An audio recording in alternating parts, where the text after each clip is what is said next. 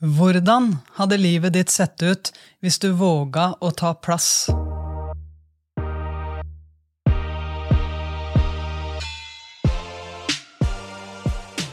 Velkommen til podkasten Hva hvis det er mulig, da? I dag skal vi jobbe med det å våge å ta plass. Du vet det når du lytter på den podkasten her, at jeg tror på at din stemme er viktig. Jeg tror på at du har noe her i verden som verden trenger. Og jeg tror på at du fortjener å ta plass. Og ja da, vi skal være nydelige og gi andre plass òg. Det betyr ikke at du skal ta all plass. det, er, det, er, lov å ta, det er lov å gi, og, og, hele det spillet der sånn. Men i dag skal vi jobbe med det å våge å ta plass. Og jeg vet at for mange så rokker det her ved janteloven. Men jeg tror at når vi er ferdige her i dag, og du har hørt de historiene, så får du opp et lite bilde av hva det vil si i ditt liv når du våger å ta den plassen du vet inni deg at du fortjener å ta, men ikke bare fordi du fortjener det fordi du skal skinne, men du er her for en grunn. Du trenger ikke legge lokk på den du er, for vet du hva? Du har noe her å gjøre. Og mye av det handler ikke om at du skal skinne på et eller annet podium der alle vi andre skal bare liksom få lov å nesten ta på føttene dine. Nei. Jeg tror du er her for å bidra med et eller annet, og du har rett til å ta plass.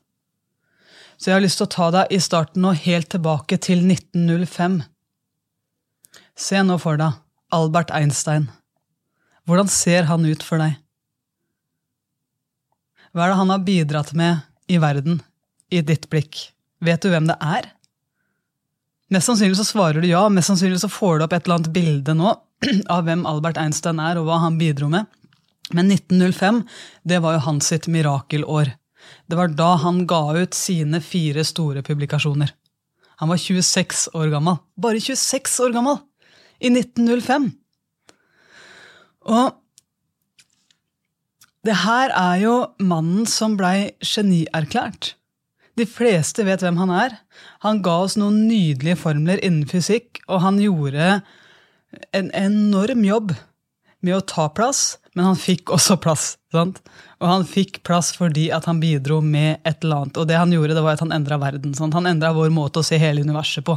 Han blei snakka om, han blei løfta opp, og de fleste vet hvem han er. Men det som er spennende med den historien her, det er at det veldig mange ikke snakker om, det er dama han var gift med.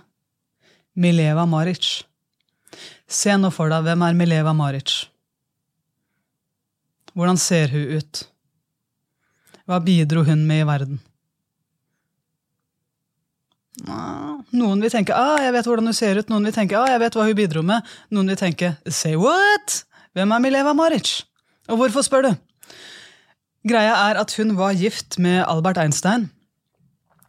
Og det veldig mange ikke vet, da, det er at når Albert Einstein mottok nobelprisen i fysikk i 1921, da skjedde det noe enormt spennende.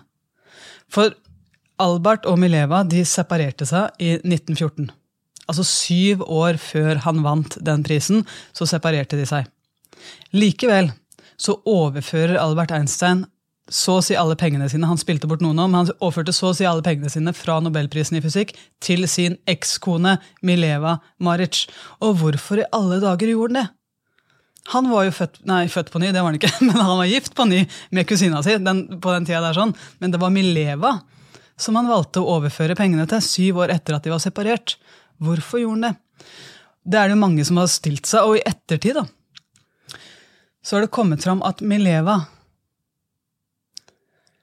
hun hadde mest sannsynlig veldig mye mer å si i hans sine publikasjoner enn det hun har fått kred for.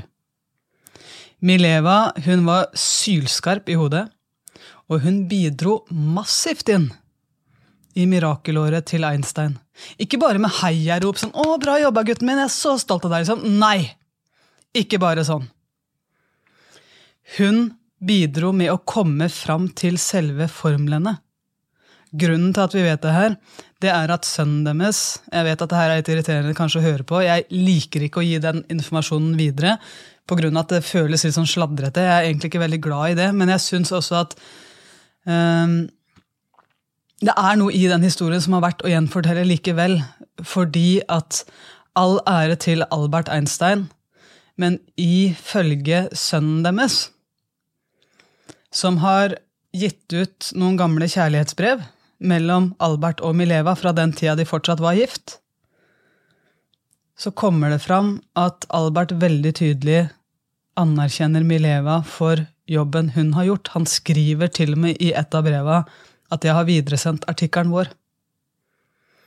Så det her er helt åpenbart noe som de laga i fellesskap. Og det er det veldig, veldig mange som ikke vet. Det er mange som nå spekulerer i hvorfor i alle dager er det sånn at Albert Einstein får all kreden. Og jeg var ikke der sjøl. Det skal jeg ærlig innrømme. Så jeg kan bare gjette. Jeg, men jeg gidder egentlig ikke gjette heller, men jeg syns det er viktig å stille spørsmål. da. Uh, og så kan jeg fortsatt lure på om det er greit om jeg videreformidler det andre har formidlet som står i egne private kjærlighetsbrev, men det jeg må innrømme, da, det er at uh, jeg syns det er litt spennende, for jeg tror det her er veldig, veldig relevant i dag. For det her har vært en enorm interesse rundt, og særlig sett i lys av kvinnens rolle i samfunnet. Hva hvis verden på den tiden, da, hvis du tenker tilbake til 1905, hva hvis verden på den tiden hadde trengt en Mileva? og innsett at det fins en kvinne der ute som side om side med mannen sin laga fete formler i fysikk, og som var sylskarp i huet. Og det er veldig lett å tenke nå etterpå at åh, ja, vi må kjempe for Mileva, vi må gi henne kred òg, vi må gi henne kred men sannheten er jo den at ja, kanskje har hun mer kred enn det hun har fått. Men vet du hvem som tok plassen? Det var Albert Einstein. Kan godt hende han både tok plassen og fikk plassen. Men hvis du virkelig tror på det du gjør, så må du våge å gripe muligheten når den er der. For Mileva nå så er det for seint, og jeg brenner for da, at du skal få lov å skinne hvis det er det du vil. Nå kan det hende at Mileva tenkte at for meg så handler livet om å finne fete formler i, i, ikke musikk, i fysikk. For meg så handler ikke livet om å få skinne. For jeg har ikke noe, jeg har ikke noe interesse av å skinne, jeg har ikke noe gira på å skinne. Nei. Men du skinner likevel. Kanskje ikke så offentlig som uh, Albert Einstein, men i kraft av at du gjør det du elsker, så skinner du på din måte. Men hvis du unngår å ta plass, i frykt for at andre ikke er klar for det, i frykt for at det vil bli rart, eller fordi at du akkurat nå møter litt motstand som gjør at det begynner å bli krevende. Da vil jeg oppmuntre deg til å ta den plassen, for det kan hende, som jeg sa i stad, at verden trenger at du gjør nettopp det. Jeg tror veldig mange kvinner i 1905 hadde fått styrke og mot hvis Mileva hadde vært klar for å ta plassen. Og jeg kjenner at jeg blir inspirert av historien, fordi at sannheten er at jeg vet ikke årsaken. Jeg vet ikke om det er samfunnets normer og forventninger. Jeg vet ikke om det er en avtale mellom de to at de skal bygge opp profilen til Albert Einstein, eller at han hadde en såpass stor eierandel til alle formlene at eh, det var bare fair at han fikk all kred. Men det jeg vet, da, det er at for deg og meg så kan den historien lære oss litt. Hvilken rolle tar du når, og hvorfor? For jeg kan spekulere i hvorfor, men det er bare du som vet. Og du finner svaret i stillheten veldig ofte, for da begynner du å bli klar over hva slags rettferdiggjøring er det jeg gir meg sjøl, i de valgene jeg tar. Så se for deg de rollene du har i livet ditt nå. Da. Hvordan ville det sett ut for deg hvis du våga av og til være til bry? Hva hadde du sagt? Hva hadde du sagt ja til? Hva hadde du sagt nei til? Hvordan hadde du tatt plass? Og jeg må jo bare innrømme at en av grunnene til at jeg er såpass engasjert i den saken her, det, det er fordi at jeg vokste opp med en mamma som var helt nødt for å ta plass sånn at uh, søstera mi og jeg kunne få en uh, trygg og god oppvekst. da. Så jeg har lyst til å dele den historien nå. Hvordan det at du tar plass, hvordan det at du våger å ta plass, kan gjøre en enorm forskjell for de menneskene rundt deg. Og mamma Jeg har to helt fantastiske foreldre, det må jeg bare si, men akkurat nå er det mamma som skal få lov å skinne, og du skal få lov å bli med på en historie som jeg syns er ekstremt inspirerende. Eh, vi skal tilbake til 1989. Søstera mi Hege og jeg vi var, vi var små barn. Eh, men mamma jobba i bank, og en dag kommer hun inn på kontoret sitt, og på pulten der så ligger det en hvit konvolutt. Og når du åpner den, så står det at pga. omstendighetene i banken så er de nødt for å si opp noen mennesker, og mamma var en av de som ble sagt opp den dagen. Så hun sitter der, da. Siste dag på jobb med en hvit konvolutt i handa. Hva gjør du? Pappa hadde jo selvfølgelig sin inntekt, men de var også avhengig av mamma sin. Og jeg tror det veldig mange gjør når de har barn, det er jo å finne ut at det å gi seg nå, det er ikke en mulighet. Jeg, jeg trenger å finne en eller annen måte der jeg òg kan bidra med inntekt for familien min, sånn at ungene mine får mat, kan gå i barnehage. Og, og, hvordan finner du de mulighetene i en verden som akkurat har stengt en dør for deg? For det er jo veldig lett å gå litt inn i offermentaliteten her. Det skal jeg sies. Det er veldig lett å tenke hvem sin skyld er det? Hvordan kunne det her skje? Hvorfor meg? Det her er urettferdig, osv. osv. Men sannheten er at det har jo skjedd. Så et veldig fint spørsmål å stille seg sjøl i den situasjonen der, det er jo Hvis jeg nå spoler framover, fem år fra nå, hva er det jeg gjør nå, i det øyeblikket her, som jeg vet at jeg om fem år kommer til å være grisestolt av? Og det er et spørsmål som har fulgt meg i veldig veldig mange år, fordi livet skjer. Ofte så blir vi testa. Du har helt sikkert opplevd det, du òg. At uh, noen ganger så blir det brudd på forventningen. Du våkner opp om morgenen, har en forventning om hvordan dagen blir, og så, så skjer det noe helt annet. Og hvordan? Hvorfor kommer du til å være stolt fem år senere av hvordan du håndterte den situasjonen?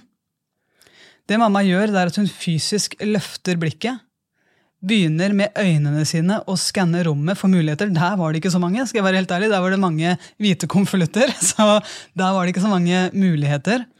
Men rett på utsida kontoret, der var det en annen bedrift. Eiendomsmeglerne. Mamma la merke til det skiltet. Så tenker jeg at der kan det være en mulighet. Og det her er jo intuisjonen vår.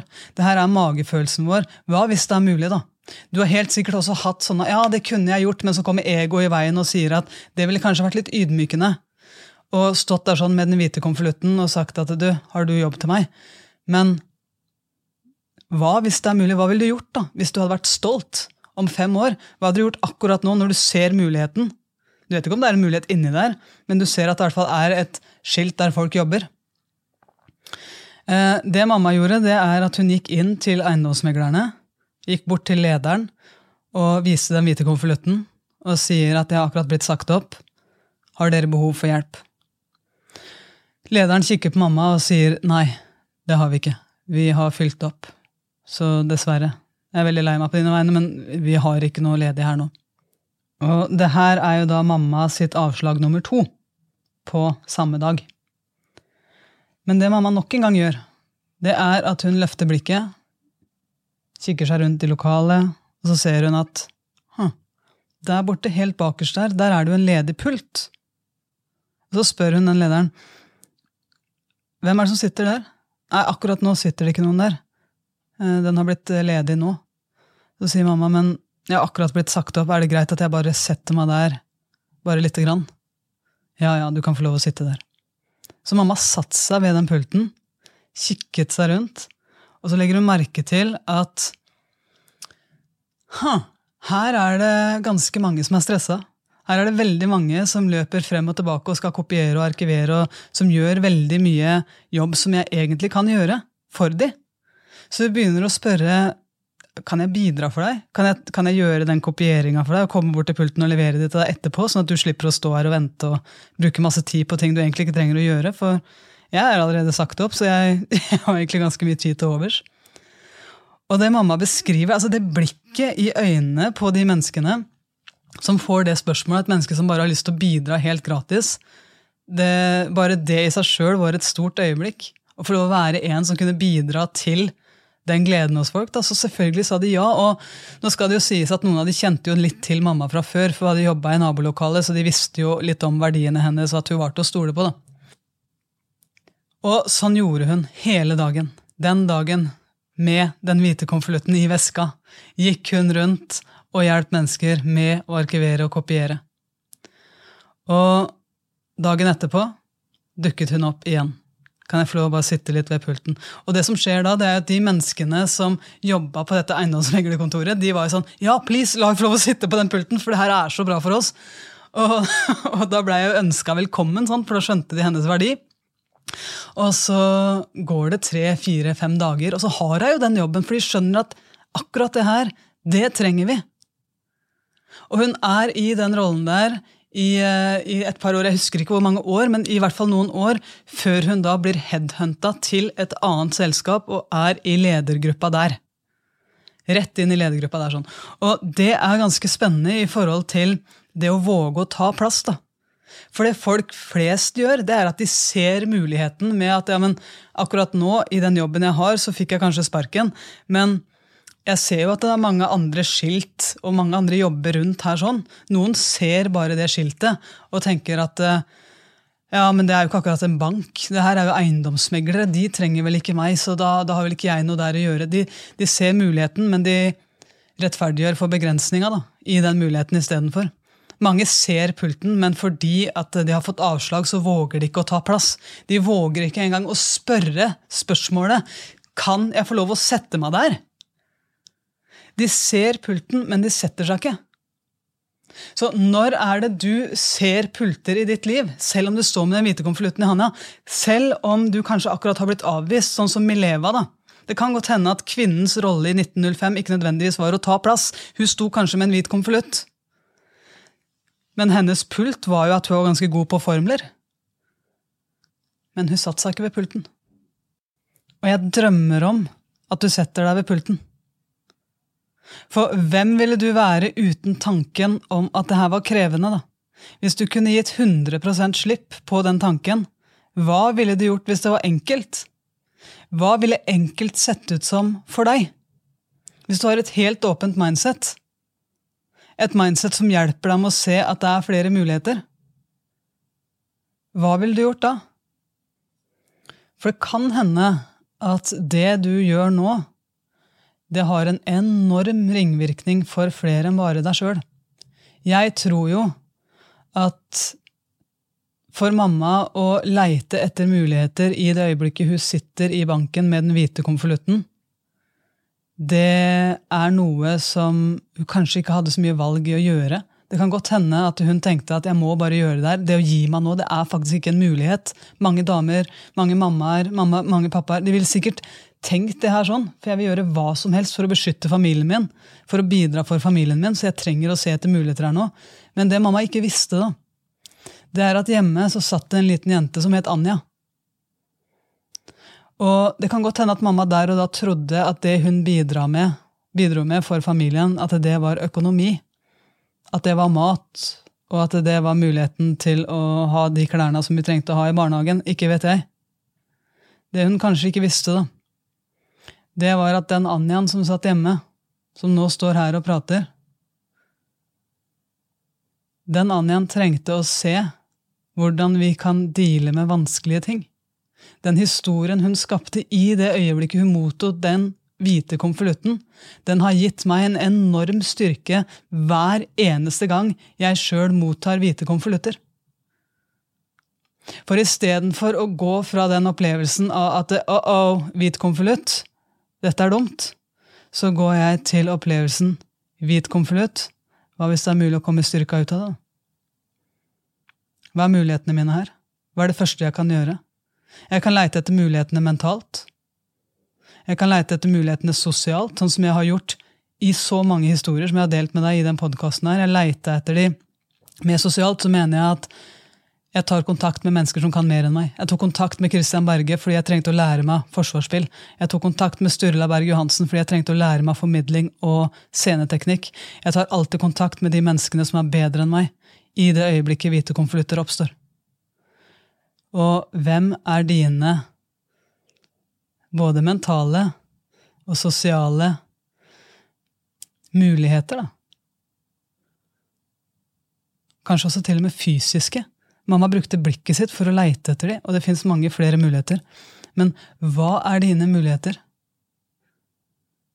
Så i det øyeblikket vi vet inni oss at vi våger å ta plass, hvordan ville det sett ut for deg da, når du våger å ta plass? Ville det vært noe annerledes i livet ditt når du våger å ta plass? I det øyeblikket mamma får nei fra den mannen som står og sier at nei, vet du hva, vi har ikke mulighet, vi har ikke flere vi trenger å ansette, og mamma likevel ser den pulten som står bakerst der. Hvis mamma da stiller seg spørsmålet hva hvis det er mulig å våge å ta plass her nå, hvordan vil det sett ut da? Versus nei, her må jeg tenke på janteloven og være litt ydmyk, jeg har ikke lyst til å være til bry, så jeg bare tusser ut igjen herfra. Det kan godt hende at hun hadde funnet nye muligheter, men det hun lærte seg sjøl den gangen, da, det er at Og det her er jo nevroplastisitet. For hver eneste gang du velger å se muligheter, våger å ta plass, våger å se muligheten for å ta plass Hver eneste gang du gjør det, så forsterkes de veiene i banen din hvor du tenker at det her er naturlig for meg. Jeg er en som våger å ta plass. Og så kan det godt hende at du kommer til det punktet der du tenker at ja, nå er det mye annet jeg monitor. Nå er, det, nå er, det, mye av meg. Nå er jeg mye menneske. Nå tar jeg kanskje litt mye plass. Det kan godt hende at intuisjonen din sier det.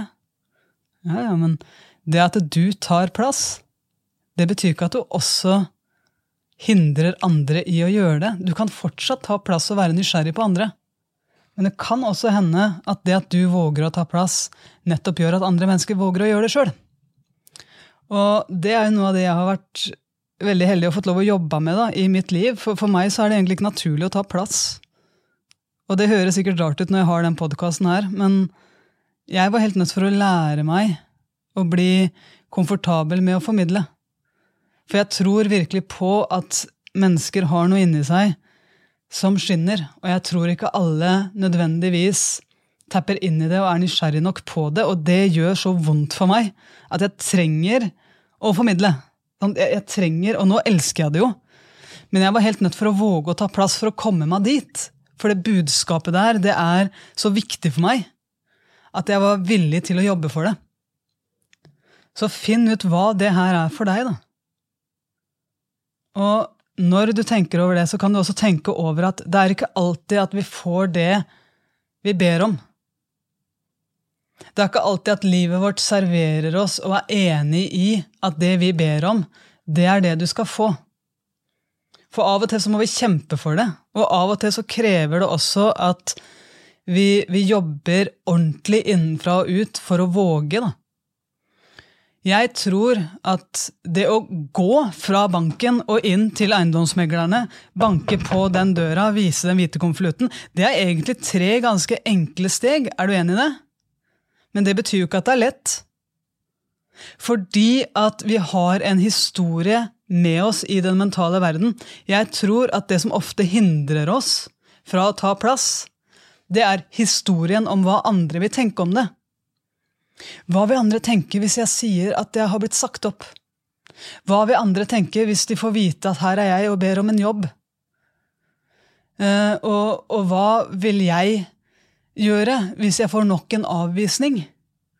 Det er veldig lett å la den mentale verden surre det til oppi der hvis vi gir den tilgang på det.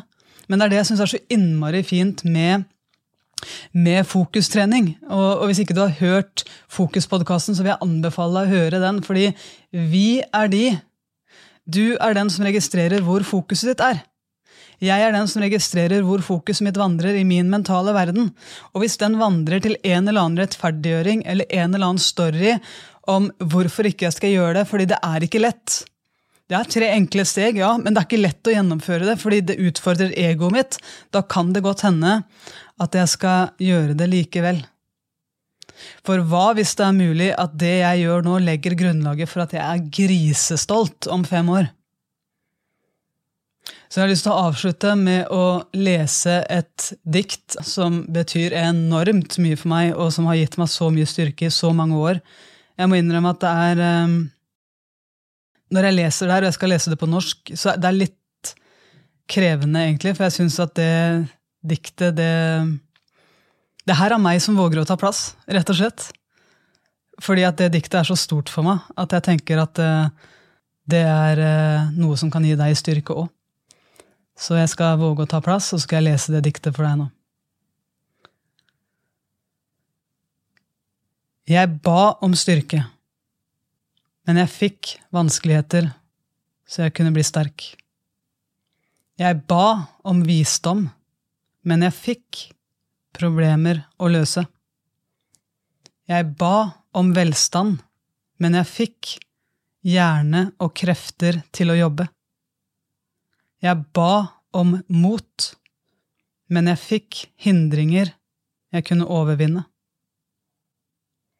Jeg ba om kjærlighet, men jeg fikk urolige mennesker til å hjelpe. Jeg ba om tjenester, men jeg fikk muligheter. Jeg mottok ingenting av det jeg ba om. Istedenfor fikk jeg alt jeg trengte.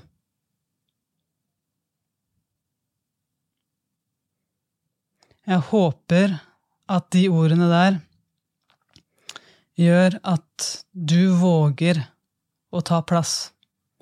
For det er ikke alltid vi får det lette. Vi kan godt be om mot, men de hindringene vi trenger å overvinne her, det er kanskje det som gir oss det motet.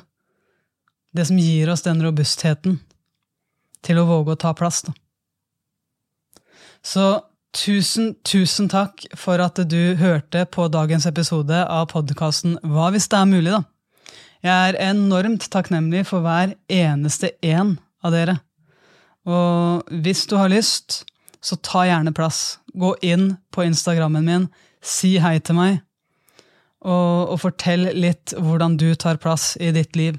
For hva hvis det er mulig, da? At ved å få fram de historiene Og det betyr ikke at det er lett.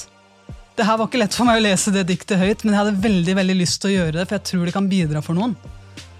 Og jeg vet at jeg blir stolt av det her om fem år. Så hvis vi kan navigere ut fra det, da. Hvordan ser livet ditt ut når du våger å ta plass?